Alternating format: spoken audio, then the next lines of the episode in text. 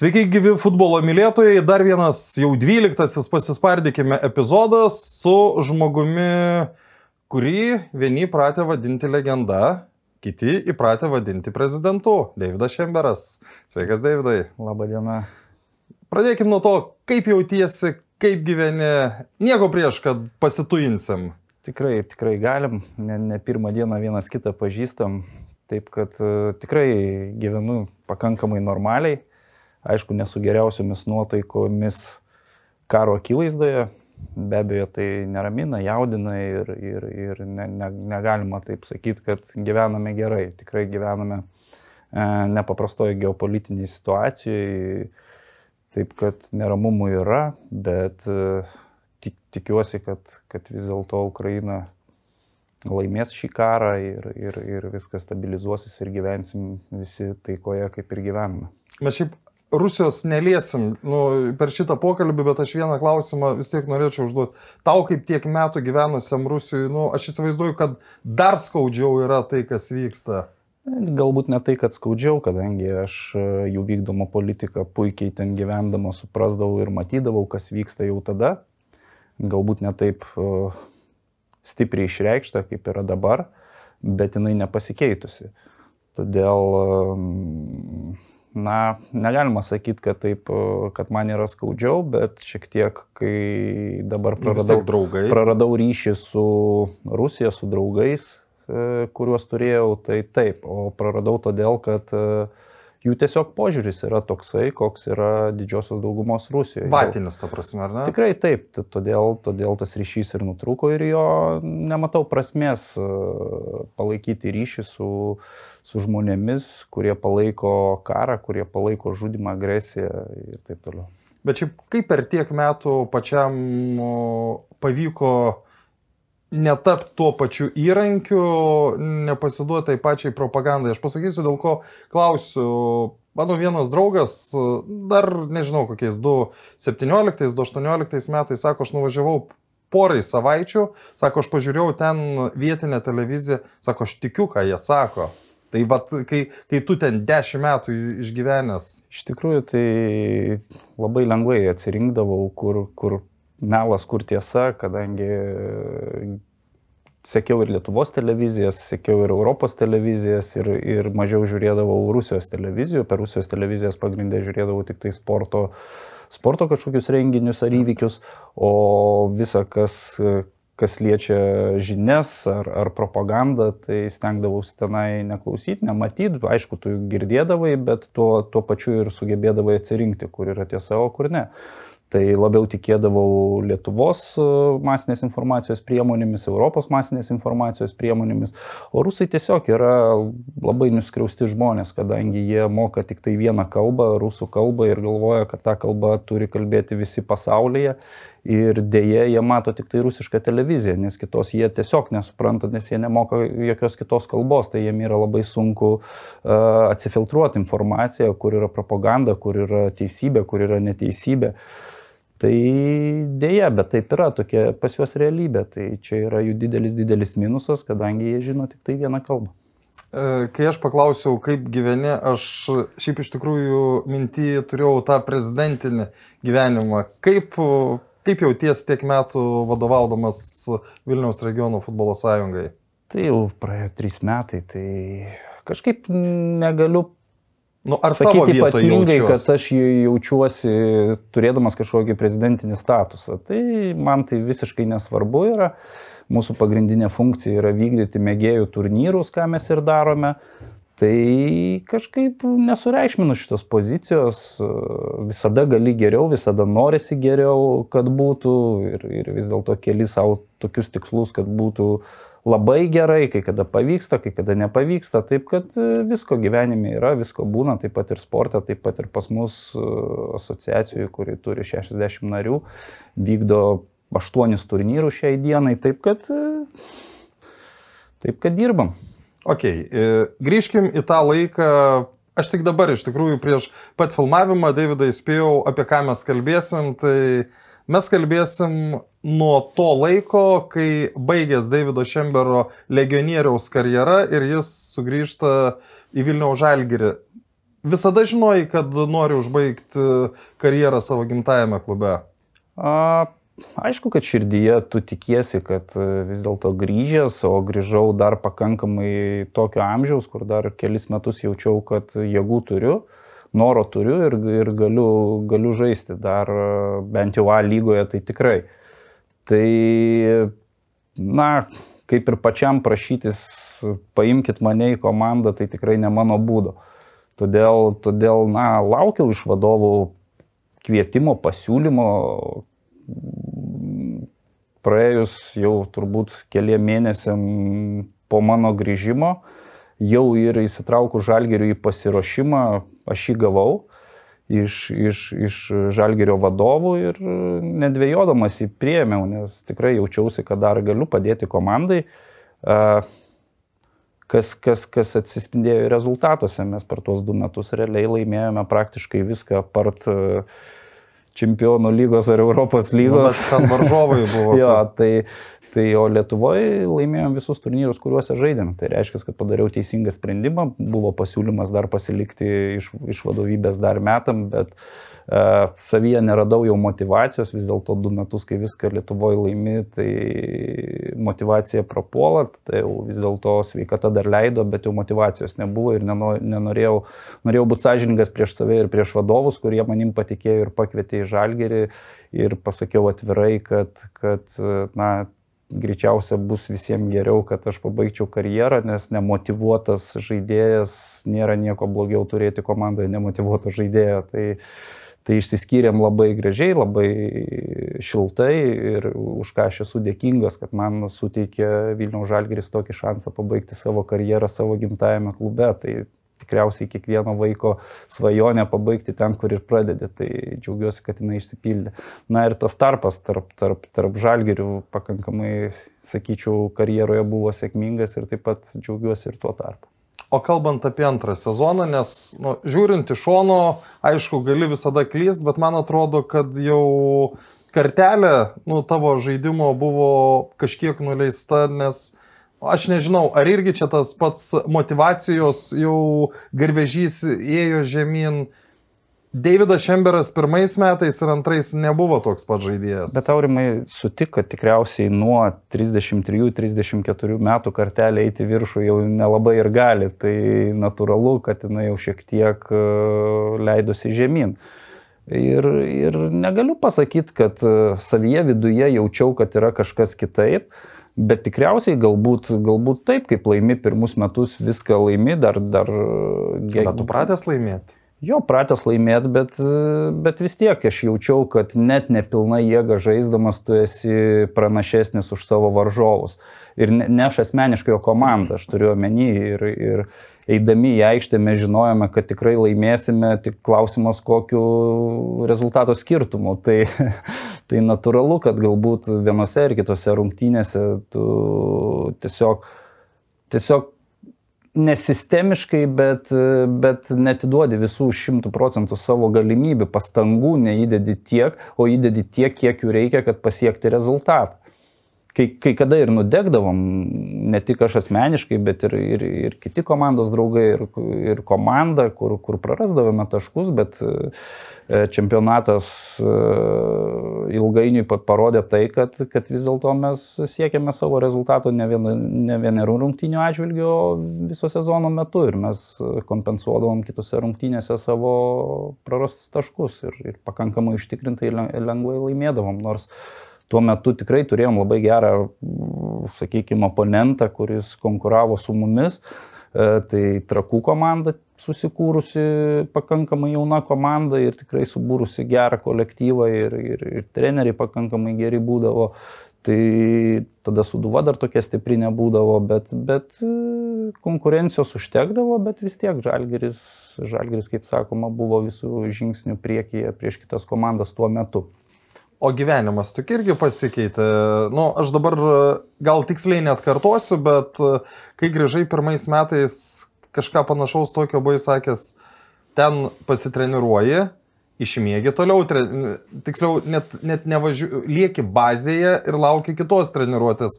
Čia tu pasitreniruoji, grįžti namo, numiegi, gali, na, nu, tu ta prasme žymiai daugiau laiko Vilniui turi negu, negu ten. Tai Vilnius, lyginant su Maskva, iš vis yra labai patogus miestas gyvenimui e, ypač gyvenimui su šeima, tai aš mėgau, mėgau, mėgaujuosi tuo gyvenimu ir dabar Vilniuje, nes tai yra labai patogus miestas ir, ir lyginant, kaip ir sakiau, su Maskva, tai privalumų labai daug Vilniuje. Ir kaip ir minėjai pats, tai taip, tikrai žymiai daugiau laisvo laiko būdavo, žymiai daugiau atsipalaidavimui, sakykime, poilsiui laiko būdavo Vilniuje, pramogom daugiau Vilniuje laiko rasdavai. Na tai tiesiog gyvendavai savo patogesnį, primtinesnį gyvenimą, apie ką, apie ką aš ir svajodavau, nes vis dėlto per tuos 15 e, metų praleistų su, už Lietuvos ribų, tai buvo sunkus metai ir, ir tikrai teko daug išliet prakaito, kraujo prakaito ir įdėti daug pastangų, kad pasiekti rezultatus, kuriuos aš turėjau. Tai po to grįžau ir jau beliko mėgautis gyvenimu, bet uh, tuo pačiu jaučiau ir atsakomybę prie Žalgirio komandą, kadangi komandai patekau į tą komandą, kuri kelia tik aukščiausius tikslus ir kur reikalingas tik vienas rezultatas, kitokio net, net, net kalbos neįdavo apie kitokį rezultatą, kaip tik laimėti visus turnyrus, kuriuose tu žaidi, bet man tai buvo labai artima, kadangi aš visuose komandose praktiškai būdavau kaip, kaip sezono pradžioje net nenonsuodavo tikslų Mm, komandose, kadangi visiems buvo suprantama, kad ta komanda turi laimėti viską, kur žaidžia. Tai, tai buvo kaip ir kasdienybė. O šiaip nebuvo tokio jausmo, kad, nu ką čia dabar veik, čia tiek to laisvo laiko, nes dažnai būna, kai taip būni apkrautas, apkrautas ir staiga, nu, labai didelė dalis laiko, kurį tu praleisdavai ten kažkam, paprasčiausiai to nebereikia. Na, negaliu pasakyti, kad tikrai to laiko būdavo daug, bet be abejo, kai tu gauni šansą žymiai daugiau būti su šeima, tai ir, ir leidi tą laiką su, su, su vaikais, su šeima, su žmona. E, taip pat atsiranda kažkokių naujų pomėgių, naujų hobių, užsimi tais dalykais ir, ir, ir tą laiką stengiasi išnaudoti prasmingai, kuo prasmingiau. Mhm, tai ką atradai ten po 35?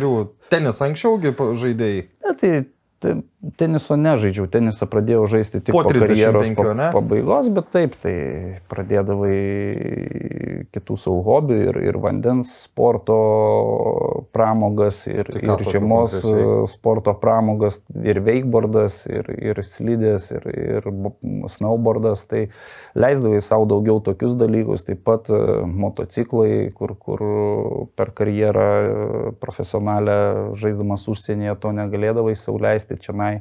Čionai jau leisdavau savo važinėti motociklu, aišku, ne sportiniu, o čioperiu, tai, tai labai mėgstu pravedinti galvą važiuojant motociklu, tai vėlgi toksai pomėgis būdavo, tai išvažiuoti, po, pasivažinėti aplink Vilnių, po Vilnių, puikiai gamta, puikus vaizdai, tai tikrai buvo geras prasiblaškimas nuo krūvį, nuo atsakomybės ir, ir šiaip galvos pravedinimu. Mhm. Ir kada jau nusprendai ir kada supratai, kad viskas, šie metai paskutiniai, karjera baigta, nebuvo tada baimės ar tokio nežinomybės jausmo, o kas bus toliau? Nes šiaip psichologiškai yra pakankamai rimtas dalykas, nes skirtingi sportininkai, mes žinom labai daug atvejų, kur nu, po karjeros tiesiog nežinodami kaip elgtis ir alkoholio liūnas ir panašus dalykai.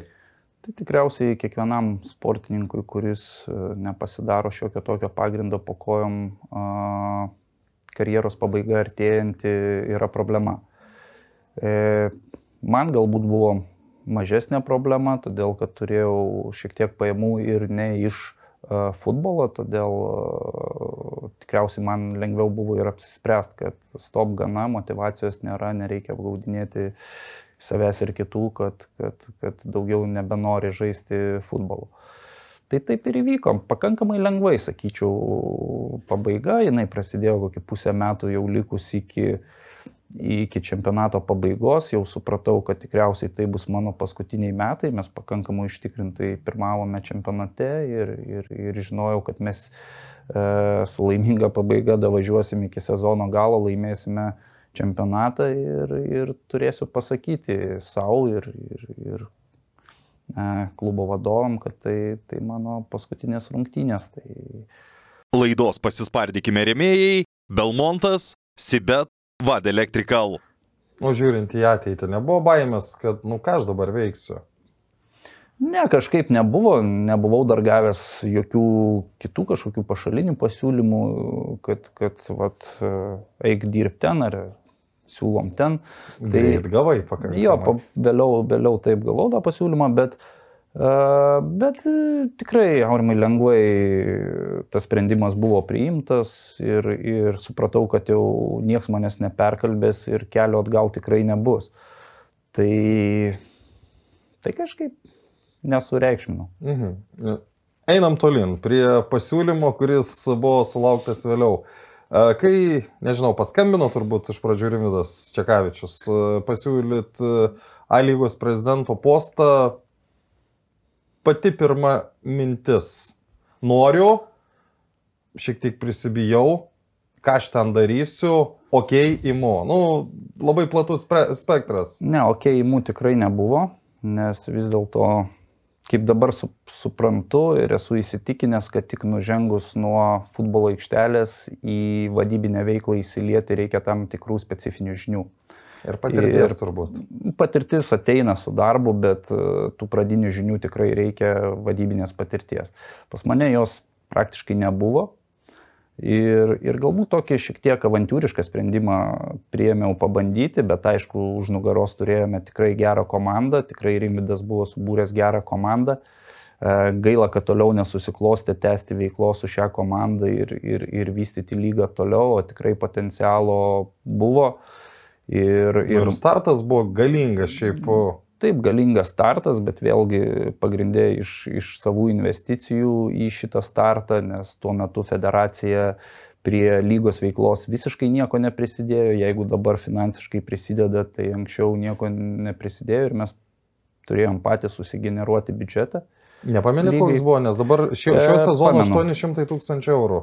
Na, tai 800 tūkstančių eurų čia skambiai buvo tur, tikriausiai įvardinta, bet tikriausiai reikia suprasti, kad šitas biudžetas susidaro iš teisėjų apmokėjimo, kuris tiesiogiai eina per federaciją ir abejoju, kad eina per lygos. Turbūt varas, kuris tai apie 300 varas lygiai taip pat, tai va čia ir susidaro pagrindiniai kaštai, o mūsų biudžetas tada susidarė iš kontrakto su SMS kreditu, tai buvo 80 tūkstančių eurų.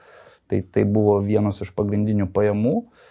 O visa kita, tai Rinvidas, e, kadangi buvo sukūrę savo įmonę, tai pagrindiniai resursai buvo naudojami įmonės, žmogiškiai ir finansiniai. Tai buvo sunku, taip, buvo sunku, bet, bet su tais resursais, ką turėjome, nustengėmės kažkiek išspausti maksimumą, bet natūralu, kad tai ilgai tęstis negalėjo.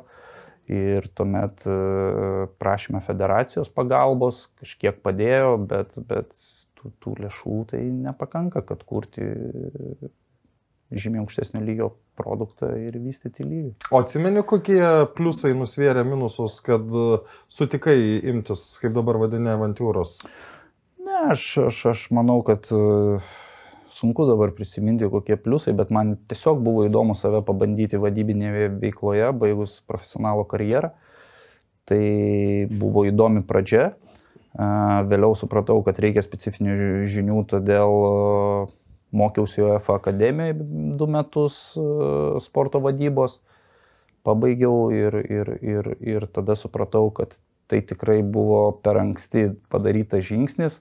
Daug ką būčiau daręs kitaip, kaip Jeigu jau dabar būtų. Taip, be abejo, tu įgauni patirties, įgauni žinių ir supranti, kad tikriausiai būtum daręs visai kitaip, bet vis dėlto vienokia ar kitokia patirtis yra patirtis ir, ir iš to pasisemi ir žinių, ir, ir, ir, ir įsivertini ir save, ir viskas gerai buvo. Mhm.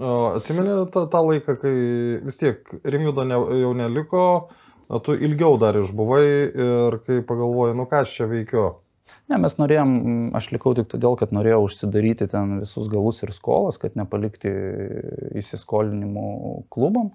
Tai mes tą padarėm ir, ir, ir sakau, kad, na, tikriausiai mano misija čia baigta ir, ir, ir tada klubai jau ėmė tvarkytis patys. E, įdomu, taip. Aš, šiaip- aš periodas. pertrauksiu. Kaip klubai tuo metu reagavo, nes, nu, kartais susidaro įspūdis, kad jie nereaguoja niekaip. Noriu išeiti, eik, noriu ateiti, ateik. Žinot, klubam pagrindinis dalykas yra pinigai. Kiek gausiu pinigų. Taip, tai kiekvienas klubas, aš įsitikinęs, kad ir dabar tas yra, tai bet kuris lygos vadovas, kuris ateina, e, klubai visi tikisi iš jo, na, iš jo, iš, ne, ne, ne tiesiogiai iš jo, bet iš, iš lygos pajamų. Tai jeigu tu pajamų nesugeneruoji, tai vienoks ar kitoks vadovas jiem yra visiškai Blogas. vienodai, jiem yra blogas, nes jiem reikia pinigų, kad jeigu į klubų sąskaitą kiekvienais metais įkris po 20, 60 ar 100 tūkstančių eurų, tada sakys, kad va čia geras vadovas. Jeigu neįkrenta, tai sakys nieko gero, apie nieką, važiuojam toliau. Bet čia kaip yra, jeigu vienais metais įkris 60, o kitą 30, vėl blogai. Tai be abejo, apetitas kyla ir, ir, ir kitais metais jau norės daugiau ir jeigu daugiau neduosi, tai vėl būsi blogas. Nu, bet čia toks užburtas ratas. Kaip žiūri Gintaro Staniulio dabar ateimą? A, aš pažįstu šitą žmogų, iš tikrųjų puikus, puikus žmogus. a, Tai Ir vėlgi- stiprus verslininkas. Taip, be abejo, vienas iš rimčiausių Lietuvos verslininkų, tai aš tai žiūriu pozityviai, bet vėlgi, jeigu gintarui pavyks suburti gerą komandą aplink save, aš turiu omeny e, žmogiškuosius resursus, kurie pradės, padės vystytis lygai, padės klubam, tuomet e, klubai bus patenkinti ir, ir taip pat jeigu klubai jaus e, finansinę paskatą tiesiogiai savo sąskaitas, tai tada sakys, kad tai yra geriausias prezidentas, kiek yra Bet čia buvę. naivu tikėtis, kad dabar Gintaras paims ir iš savo pinigų čia, nu, liaudiškai tariant, atbašliuos visiems kas kiek nori. Nu, nebus to. Nu, jeigu nebus, tai manau, po kažkiek laiko bus ir, ir gintaras tikriausiai blogas klubam. Bet sakau, bet gintaras turi pakankamai vadybinės patirties kaip verslininkas, taip pat Ryšių, iš, iš sporto, sporto žmogus yra. Ir manau, kad uh, tikrai gali suburti gerą kolektyvą, kuris gali vystyti lygą ir prisidėti prie lygos vystimo. Tai tiesiog kokią susibur savo aplinką, kuri padės uh, lygos vystymui. Čia mes dabar, kai futbolas LT filmavom, kalbėjom, o kas turėtų būti tokia, kad jau galėtum sakyti, nu va, čia jau labai gerai, čia jau gera lyga. Mums asmeniškai gi taip e, nusispjauti, ar ten e, klubui 30 tūkstančių įkris, ar 20, nu, me, žiūrovas to nematogi. Ten nu, net jeigu įkris po tą 30 tūkstančių, ten po vieną žaidėją kažkokį atsiveš, nu, ar jis buvęs ar nebuvęs, uh, už tokią kainą labai didelės įtakos nedaro. Bet ką, vat, kai sakai, kad dabar daryčiau kitaip, kas tai, turi būti? Tai žinot, Aurimai, e, reikia suprasti, iš ko klubai generuoja biudžetą, bent jau Europos klubai generuoja. Tai pagrindinis Televizija. yra televizija, komercinės teisės, tai yra Žaidėjų parama. pardavimas. Ir, ir match day revenues, kur sudaro ten, tarkim, Anglijos lygoje apie ten 15-20 procentų viso biudžeto. Tai apie match day revenues turbūt Lietuvoje iš vis šnekėti nereikia. Čia, čia įeina biletai, ar ne? Jie, biletai, maikutės pardavimai ir vi- visa kita atributika ir Tai viskas. Lietuvoje kas arti aplink- nulio. Arti nulio, taip. E, toliau, televizinės transliacijos. Pats moki. Na, pats moki, tai iš to nesu, nesu, nesugeneruosi pajamų lygiai taip pat. Tai irgi atmetam variantą. Tai lieka tik tai remėjai, remėjai mecenatai, kurie realiai iš paramos e, naudos turi mažai, ne? Bet e, lieka tik vienas dalykas, tai vat e, remėjai, o remėjai pas mus pagrindė savivaldybės mūsų klubų. Tai nuo jų dosnumo, nuo poli, politinio prieinamumo prie, sakykime, pačių politikų savivaldybėse priklauso tavo komandos gerovė, nes uh, atsivežti žaidėją už pusantro tūkstančio eurų ir atsivežti žaidėjų už 4 ar 5 tūkstančius eurų, tai yra didelis gepas ir, ir didelis labai skirtumas, sakykime, kuris, kuris daro rezultatą. Ir jeigu tu gali atsivežti 7-8 žaidėjus po 5 ar 10 tūkstančių eurų į mėnesį, tai aš manau, kad garantuotas čempionato laimėjimas. Riterių pavyzdys pernai, nu aišku, jie neturėjo aštuonių žaidėjų nuo 5 iki 10 tūkstančių, bet, bet čia vis tiek yra, imkim, labiau išimtis negu, nu, negu desningumas, kad tu atsiveži žaidėjus ten po 4 tūkstančius ir, ir jie yra jie taip netampa komanda, kad sugeba. Tikrai e, taip. Tai yra pavyzdžių sporte, kur, kur geriausius surinkti žaidėjai neduoda rezultato. Taip, bet, bet manau Lietuvoje iš tikrųjų, jeigu tu turi, turi selerį rolą arti milijono, tai praktiškai tu garantuotas, kad e, laimėsi čempionatą. Tai, galbūt e, panevežio kranas, o praeitais metais panevežys, pa, panevežys atsiprašau, panevežio kranas, panevežys e, paneigė e, šitą mano teiginį, nukonkuravę žalgerį, bet vėlgi žalgeriui tikrai praeitą sezoną susiklostė įti nesėkmingai.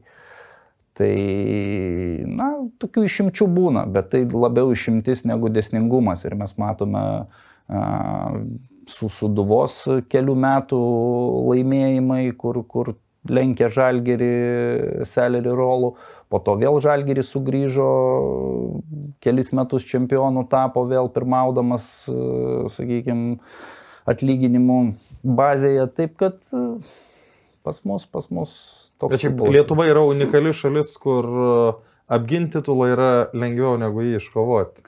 Esi pagalvojęs apie tai? Iš, iš tikrųjų, tai taip, dabar tik pagalvojau, kad, na, taip, taip, yra. Taip, baigęs A lygos prezidentavimo era ir vėl į niekur. Galim palyginti kari, nu, futbolininko karjeros pabaigą ir tą neilgą A lygos prezidento pabaigą. Sunkiau buvo, lengviau, tiesiog išėjai su pykčiais, su, ties, darykit ką norit, su kokia ne, nuotaika. Iš tikrųjų, jokių pykčių nebuvo, išėjome gražiai.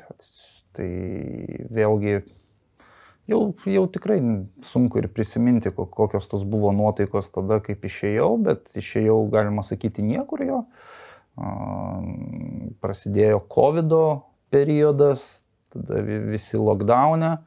Bet aš dar į Žalgirį grįžai prieš COVID. -ą. Ai, prieš COVID į Žalgirį, jo, čia jau iš Žalgirio, kaip išėjau, prasidėjo COVID, mhm. sorė, jo, sumaišiau.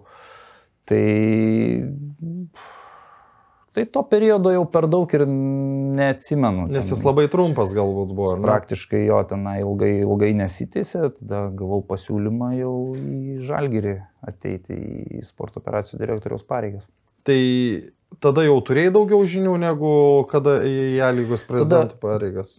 Tada buvau tik tai pradėjęs mokytis e, UEFA akademijai ir būtent tuo metu paraleliai ir mokiausi ir dirbu žalgerį. Kaip galvoji, dabar žiūrint iš dabartinio taško, jūsų su Davidu Česnauskiu duetas gerai atliko darbą?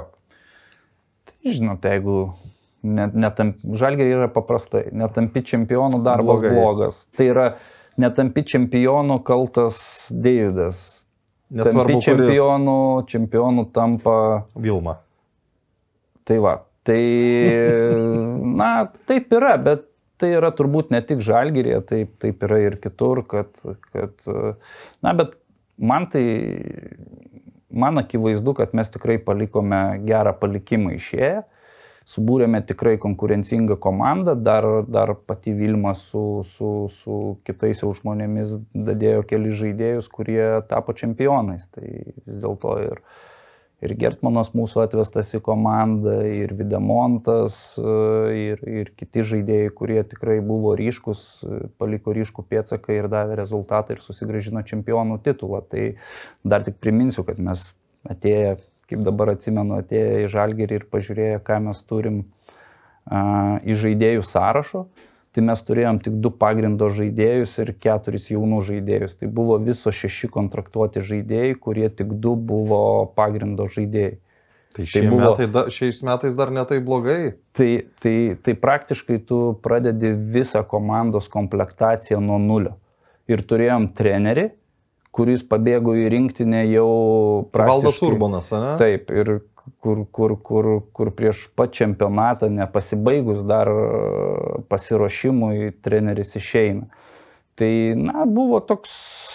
Čia toks 19 metai, aš jei neklystu. O, lyg tai. Nes tai, uh, Česnauskas baigė 18 karjerą ir jis iškart prisijungė. tai, va, tai tokie metai buvo sudėtingi, tai vėlgi suburti gerą kolektyvą, gerą komandą, tai manau reikia kokių dviejų, trijų metų tikrai, nes vis dėlto mūsų įmami žaidėjai e, praktiškai jeigu 50 procentų pataikai su žaidėjais, tai aš skaitau, kad tikrai geras rezultatas, nes mes neturim galimybės gyvai matyti ir įsivertinti tų žaidėjų pajėgumų.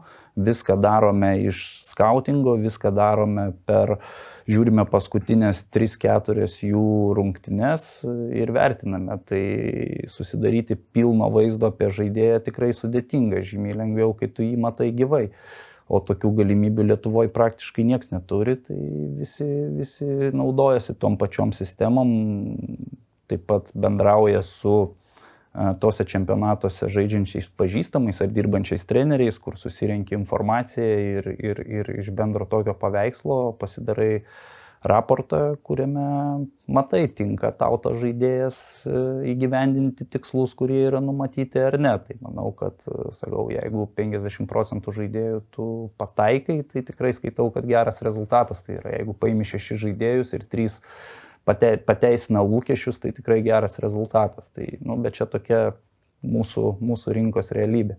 O šiaip ir aukščiausiam lygiai irgi, tu net žinai žaidėjo, kurie atsivežė irgi dažnai nepataikai. Tai čia nėra taip, kad atrodo, nu dabar pavardė ten kažkokia 40 milijonų kainuoja, kad tu atsiveši ir jis tikrai čia žais. Nu, taip, tai, jeigu taip veiktų, tai nebūtų įdomu stebėti nei futbolo, nei nieko.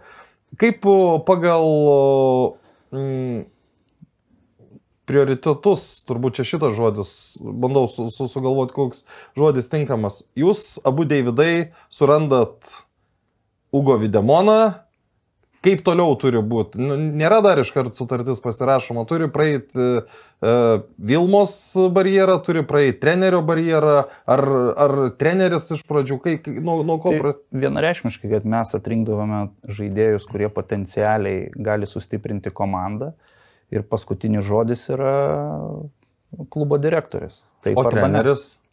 Treneris? Na, sakykime, lygiai taip pat, aišku, treneris irgi įsitraukia ir, ir, ir trenerio žodis jau, sakykime, prieš priimant sprendimą irgi yra svarbus, bet mes, aišku, prieš ieškodami žaidėjų jau su treneriu bendraujame, apsi, apsisprendžiame kartu, ko mums reikia ir po to jau ieškome tokių žaidėjų ir jeigu tokius žaidėjus atrandame, be abejo, sugrįžtame pas trenerį, žiūrime visi bendrai dar kartą tą žaidėją ir jau su galutiniu verdiktu, sakykime, iš sportinės pusės einame pas a, klubo direktorį ir klubo direktorį arba prūvina arba ne.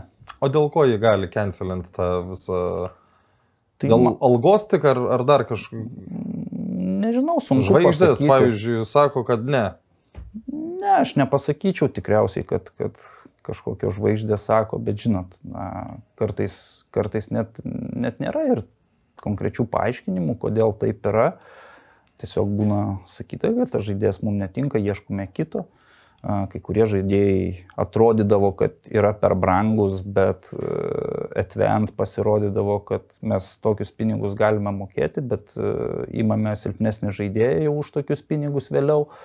Tai, na, tokie, tokie keisti būdavo galbūt sprendimai, bet, bet, bet sakau, na, už tokius sprendimus mes irgi turim prisimti savo atsakomybę, reiškia, mes nepakankamai įtikinamai a, kalbėjome, kad reikia mums tų žaidėjų ir viskas. Ko išmokė tas karjeros etapas? Nes pamokos, bet kokiu atveju tai yra pamokos. Na, tikriausiai išmokė tai, kad reikia dirbti su tai žmonėm, kurie vienodai mato tikslą. Tai manau, kad tai yra pagrindas, ko išmokė. E, Ana Deividą anksčiau paleido Žalgeris, likai vienas karys. Tai, tai da, da, da, dar sunkiau, ar buvo tuomet dar sunkiau į, įtikinėti Vilmą, ar jautėjai, kad ir tavo ta paskutinioji irgi, nu čia... Vienareikšmiškai. Žinojai? Vienareikšmiškai žinojau, kad tai yra išsiskirimo kelio pradžia. Tik jinai šiek tiek galbūt atsidėjo, galbūt e, buvo kažkoks priimtas sprendimas, kad, sakykime, nepaleista abiejų iš karto. E, galbūt perimti kažkokią informaciją, kas yra normalu irgi organizacijoje, perduoti tam tikrus darbus, kas irgi yra normalu organizacijoje. Tai tiesiog buvo gražiai susidėliojame ir vėlgi įsiskyrėme be jokio pykčių ir puikiai ir dabar su Vilma bendraujame. Taip kad mm, nei pas mane liko kažkokių pykčių, na ir tikiuosi pas, pas, pas Vilma lygiai taip pat. Aš įsivaizduoju, kad vis tiek viduje kažkur turėtų būti toks, nu, nefainumo jausmas. Ne, nejaučiu, aš iš tikrųjų negaliu pasakyti, kad, kad jaučiu kažkokį nu, nejaukumo jausmą. Aišku, Žalgeris visada turėjau svajonę vadovauti tokiai komandai, būti prie tokios komandos, dirbti tokioje komandoje ir siekti su ta komanda aukščiausių rezultatų ne tik aikštėje, bet ir už aikštės ribų. Ir, ir buvau įsitikinęs, kad mes tikrai galėjome padaryti žymiai daugiau. Ir aš iš vis matau žalgerį, jeigu jau taip atvirai šnekant, visai kitokiose pozicijose Vilniaus mieste.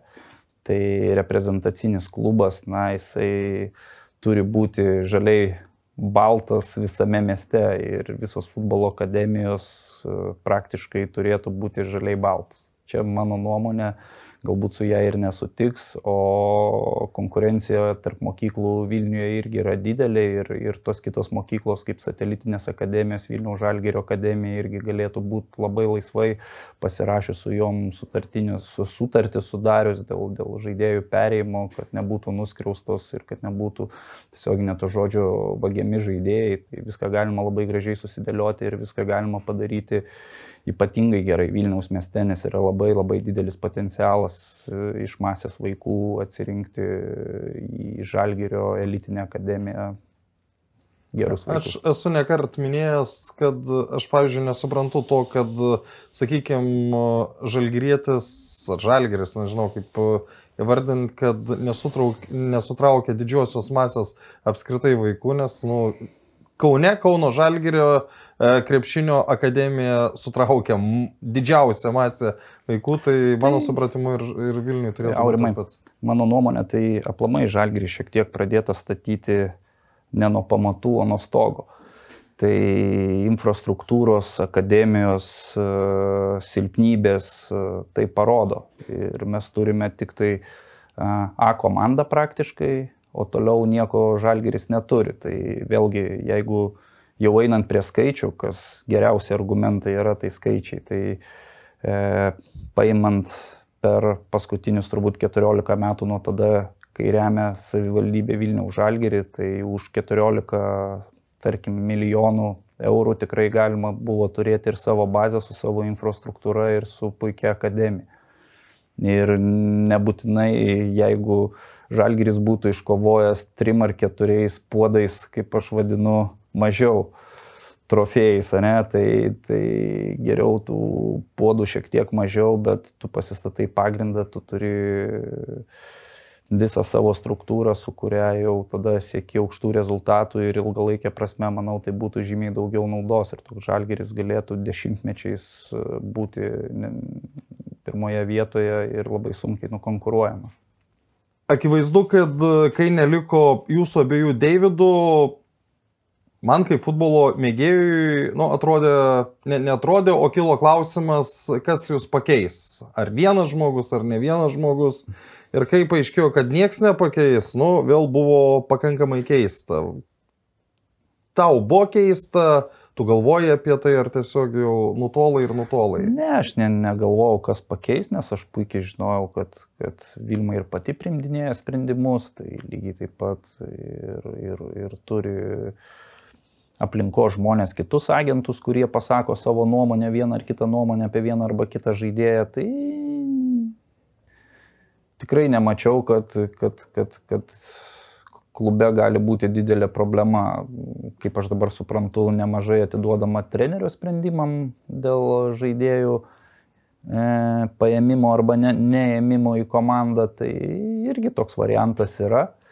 E, Tik aš nežinau, ar, ar treneris pajėgus kokybiškai atlikti ir vieną, ir kitą dalyką. Mano manimu, kad, nu, žinant, kokios darbo apimtis yra, peržiūrint visus žaidėjus, juos įvertinant ir realiai susidarant kiekvieno pilną paveikslą, tai, tai yra nežmoniškas darbas ir, ir netikiu, kad treneriui įmanoma vienam tai padaryti ir iki trenerio jau turi būti pakankamai sukramtyta informacija daryti, kad jam reikėtų tik kelis epizodus praktiškai ir raportą pamačius pasakyti, taip jis man tinka arba man netinka. Primink tą laiką, kai dar tu pats buvai, turėjo Žalgiris fizinio rengimo trenerį ar ne? Mm, turėjo, turėjo. Tai kaip, kaip, kaip dabar tokio lygio klubas išgyvena be, be fizinio rengimo trenerio? Na tai turbūt. Nu vis tiek, juk, nu, aš, aš nenoriu, kad tai skambėtų kaip, nu, kažkoks ar tai varimas, ar kažkas ant Vilmos, bet, uh, uh, nu vis tiek, juk ji turi aplinkoje žmonių, kurie, nu, turėtų pasakyti, kad fizinio rengimo treneris irgi ne šiaip savo yra sugalvota pareigybė. Tai turbūt akivaizdu, kad aukšto meistriškumo klubuose toks specialistas turi būti. Tai aš nežinau, kodėl jo dabar nėra ir nemanau, kad... Čia ne pirmi metai. Jo, nemanau vėlgi, kad treneris pajėgus susitvarkyti su tuo vienas. Tai manau, kad e, tai būtina pozicija klube, ypač dar dėl rinktinės galima būtų diskutuoti, kadangi ten susirinkus trim uh, trim dienom na, fizinio rengimo treneris tikriausiai ką gali padaryti, tai mankštą pravesti, o daugiau ten per daug paruošti fiziškai na, nelabai ką gali, bet, bet tam tikri pasirengimo pratimai irgi yra, tai jis ir rinktiniai reikalingas. Tai aš jau apie klubą nešneku, apie klubą tai čia yra uh, ir traumų prevencijos reikalas labai rimtas dirbti po treniruočių su, su žaidėjais, labai rimti dalykai. Tai uh, Tai na, aš kaip matęs, kaip praėjęs profesionaliam klube, tai pas mus buvo kokie trys fizinio rengimo net treneriai geram klube ir dar kokie keturi iš jų trys ispanai fizioterapeutai, kurie po rungtinių ruoždavo. Tai vien va toks va stafas, kuris rūpinasi tavo praktiškai pasirengimu ir sveikata, buvo apie 6-7 žmonės. Tai, tai, tai... Ir jie mokama alga ne šiaip savo, kad jie tik būtų klube, o tam, kad darytų darbą. Tai be abejo, taip, tai, tai, tai viskas susideda į rezultatą. Tai manau, kad, nežinau, man sunku atsakyti, kodėl jo dabar nėra, tai, tai pati Vilma tegu te, te, te, tai atsako, bet mano nuomonė, tai toks žmogus privalo būti klube, aišku, jisai turi būti atitinkamos kvalifikacijos žmogus. Tai galbūt tokio sunku surasti Lietuvoje tokį, nežinau, sudėtinga man pasakyti, kodėl. Tai... Laidos pasispardykime remėjai - Belmontas, Sibet, Vad Electrical. Užbaigiam apie Vilmą paskutinių jau gražių akordų. Tai prieš kelias savaitės Vilniaus regionų futbolo sąjungos įteiktų ordinų. Jos nuopelnų vis tiek nu, nuginčyti neįmanoma ir kieno čia buvo idėja apskritai, kad, kad nu, reikia pagerbti už, už tą milžinišką darbą. Tai vėlgi mes na, pagerbėm Vilniaus regionai nusipelniusius žmonės per, per jubiliejus ir, ir tai buvo toksai mūsų kaip ir, kaip ir prievolė tą padaryti, tai mes tą ir tikrai padarėme ir darysime ir toliau. Na, tai yra gražu, įsimintina žmonėm ir, ir, ir tai parodo, kad, kad mes juos tikrai vertinam už, už, už indėlį į Lietuvos futbolą ar ten Vilniaus futbolą, nes e, Žalgiris aš manau, kad yra daugiau negu Vilniaus futbolas, o tai yra visos Lietuvos komanda, kaip ir Kauno Žalgiris krepšinio Kaune, tai Vilniaus Žalgiris Lietuvoje futbolė. Mhm. Tai kadangi jau apie tą Vilniaus regionų futbolo sąjungą užsiminiau, kadangi pradėjom nuo to, tai ir einam į šitą etapą. Kai aš išgirdau, kad Davidas Šemberas yra kandidatas užimti prezidento postą, pirmas klausimas, kuris kilo galvoj, ką jis ten veiks. Tu pats uždavėjai šitą klausimą? Na, aš aurimai puikiai suprantu, kokią funkciją atlieka nu, nes apskritis, tokie... nes e, taip, aš pasakysiu, kad tai yra funkcija pagrindai, kaip ir jau minėjau, tai yra vykdyti mėgėjų futbolo varžybas. Tai, bet man buvo įdomu dalyvauti valdyme pačios federacijos struktūroje, nes mes visi žinome, kad e, apskričių vadovai tame dalyvauja. Tai man buvo labai įdomu ir ten dalyvauti, kadangi aš Vilniaus e, apskrities, e, Vilniaus apskrityje tokių kasdieninių funkcijų netlieku. Tai jas atlieka kiti žmonės, kurie ir gauna už tai pinigus, o aš daugiau, sakykime, tam valdyme pačioje federacijos struktūroje dalyvauju. Ir man tai įdomu, kadangi aš skaitau, kad pakankamai sukaupęs ir patirties, ir žinių, taip pat toj pačioj ir UEFA akademijoje tikrai gavau pakankamai įdomių ir naudingų žinių. Tai man patinka ten dalyvauti. Paklausiu atvirai, ar ėjimas į VRFS prezidentus uh, mintise buvo kaip žingsnis link LFF prezidento posto? Tai turbūt kiekvienas uh, futbolininkas, kuris kažkiek kažko pasiekęs, to, tokių minčių turi. Dabar neseniai skaičiau ir Mikoliūno mintis, kad irgi tikrai būtų savai įdomu išbandyti tenai. Tai... O pats Mikoliūnas tai sakė, ar čia Vilma sakė apie jį? Aš nežinau, man, man kažkur girdėjau, galbūt Vilma sakė, Vilma iš tikrųjų, bet, bet tai yra visai normalu ir manau, kad, kad tai yra normalus noras, tai tikriausiai jis buvo ir pas mane. Ilgainiui nežinau, aš negaliu pasakyti, kad aš tegu tokių norų dabar. O vykdomojo komiteto posėdžiuose patinka dalyvauti? Ar, ar, ar Vilniaus, Vilniaus regionų futbolo sąjunga Aš priminsiu tai, kad kai buvo nubuksuojamas Paulius Malžinskas, buvo viena iš priežasčių įvardinama, kad jis ten per pusę metų, galiu klysti laikotarpį, jis nepateikė nei vieno pasiūlymo? Ar va tau atėjus į prezidentus kažką klausimus ten pasiūlymą, aš nežinau, kaip vyksta tie, tie posėdžiai. Tai... Ne, nu, praktiškai vykdomo, vykdom, vykdomosiuose posėdžiuose būna jau tvirtinami tam tikri dalykai. Tai ten pakankamai minimaliai būna diskusijų, nes praktiškai galbūt taip ir turi veikti.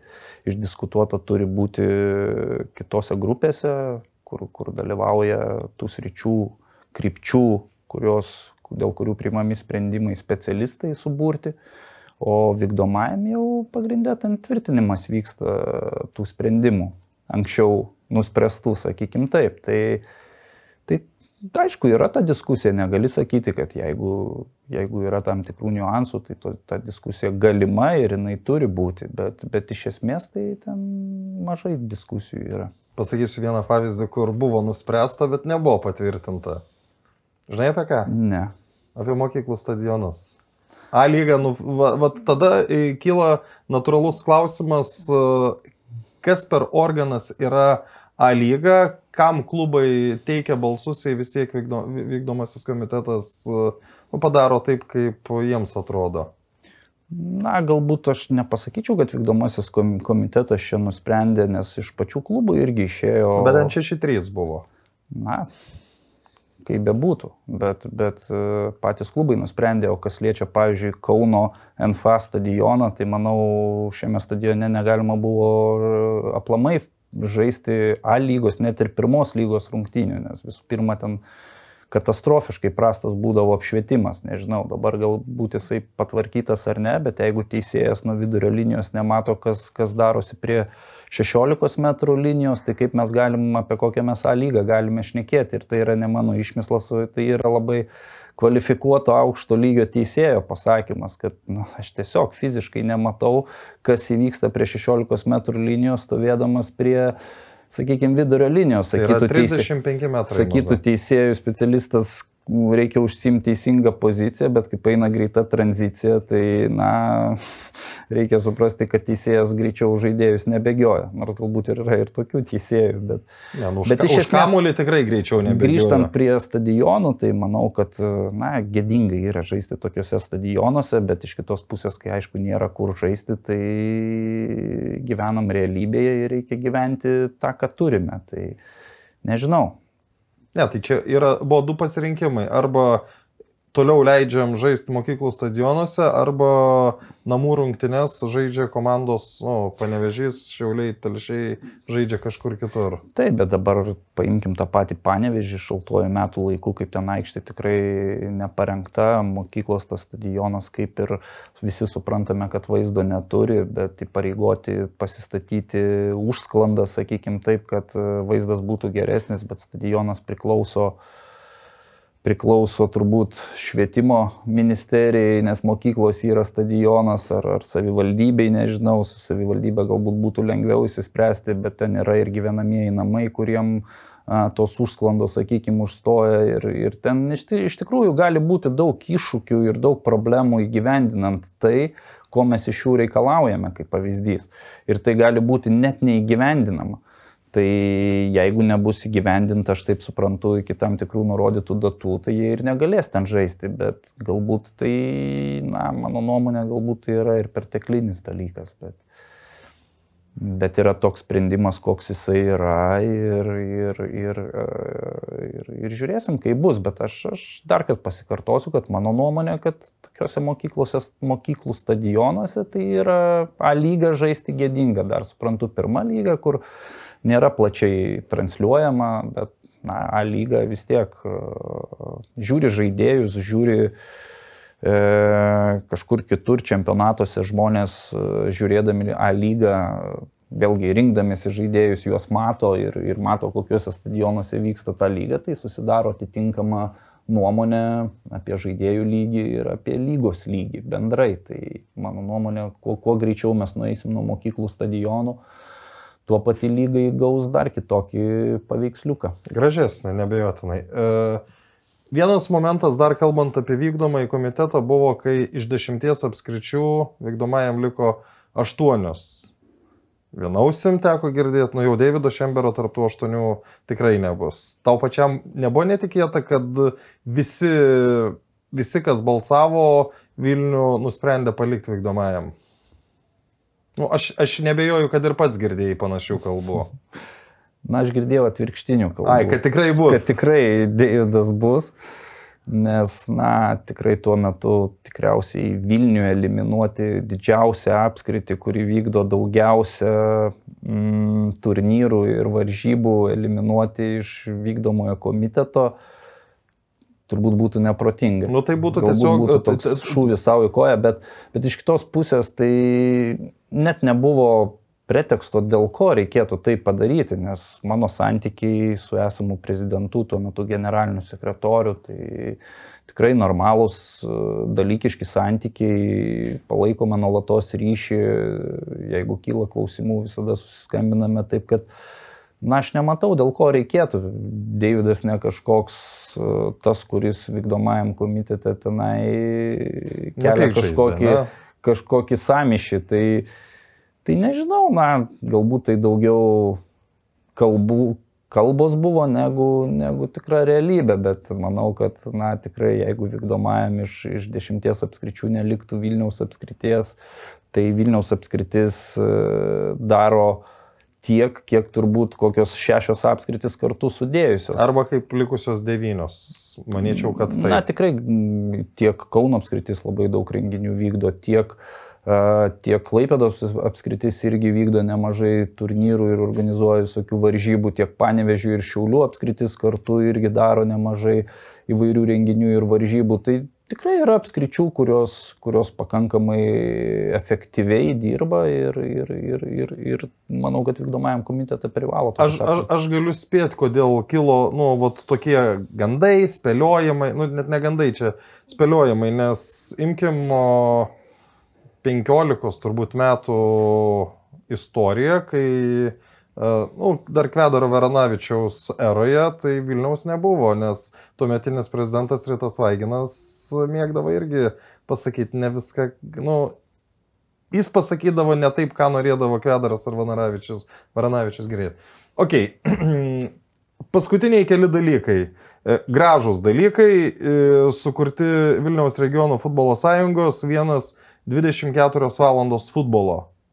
Tai Čia iš tikrųjų galbūt idėja daugiau SFL buvo Mindaugo Kasperūno. mūsų valdybos nario lygiai taip pat, tai jo kilo tokia idėja daryti tokį turnyrą kartu su keliom mėgėjų komandom ir manau, kad tikrai pavykęs turnyras, buvo fan. O tu pats iš, išbėgai tada? Ne, ne. ne.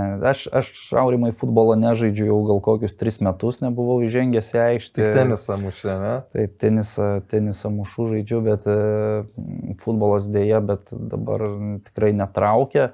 Aš turiu menį žaidimas, tai visiškai nenoriu kontaktinio sporto, galbūt man jo pakako per savo visą karjerą ir man labiau patinka dabar uh, E, sportai, kurie neturi kontakto, tiesioginio kontakto, kai žmogus vienas su kitu turi. Tai...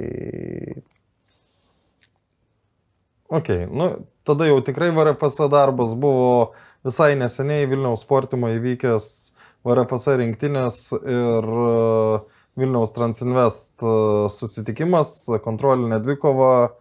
Pasakysiu atvirai, nustebo, nustebau, kad tu taip stipriai į tokiuose kontrolinėse rungtynėse palaikiai VRFS rinktinę.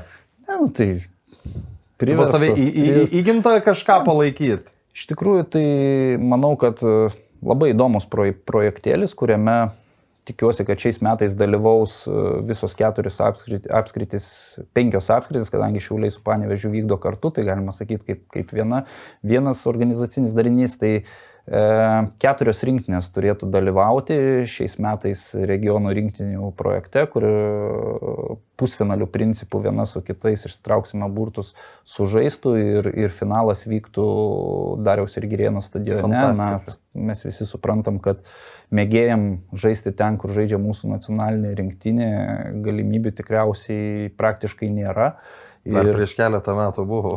Jo, ir, ir, o, o šiandien tokia galimybė vat, per tokį projektą tikrai, tikrai atsiranda ir manau, kad uh, išeiti už savo regiono ribų irgi tikrai labai įdomu ir tikslinga patiem mėgėjim. Tai manau, kad visiems bus naudingas ir įdomus šis projektėlis, jis visai nereikalauja labai daug sąnaudų, tai manau, kad kiekviena apskritis tikrai pajėgi E, įgyvendinti šį rinktinės projektėlį. Tai manau, kad pažiūrėsim, visai bus fan turbūt.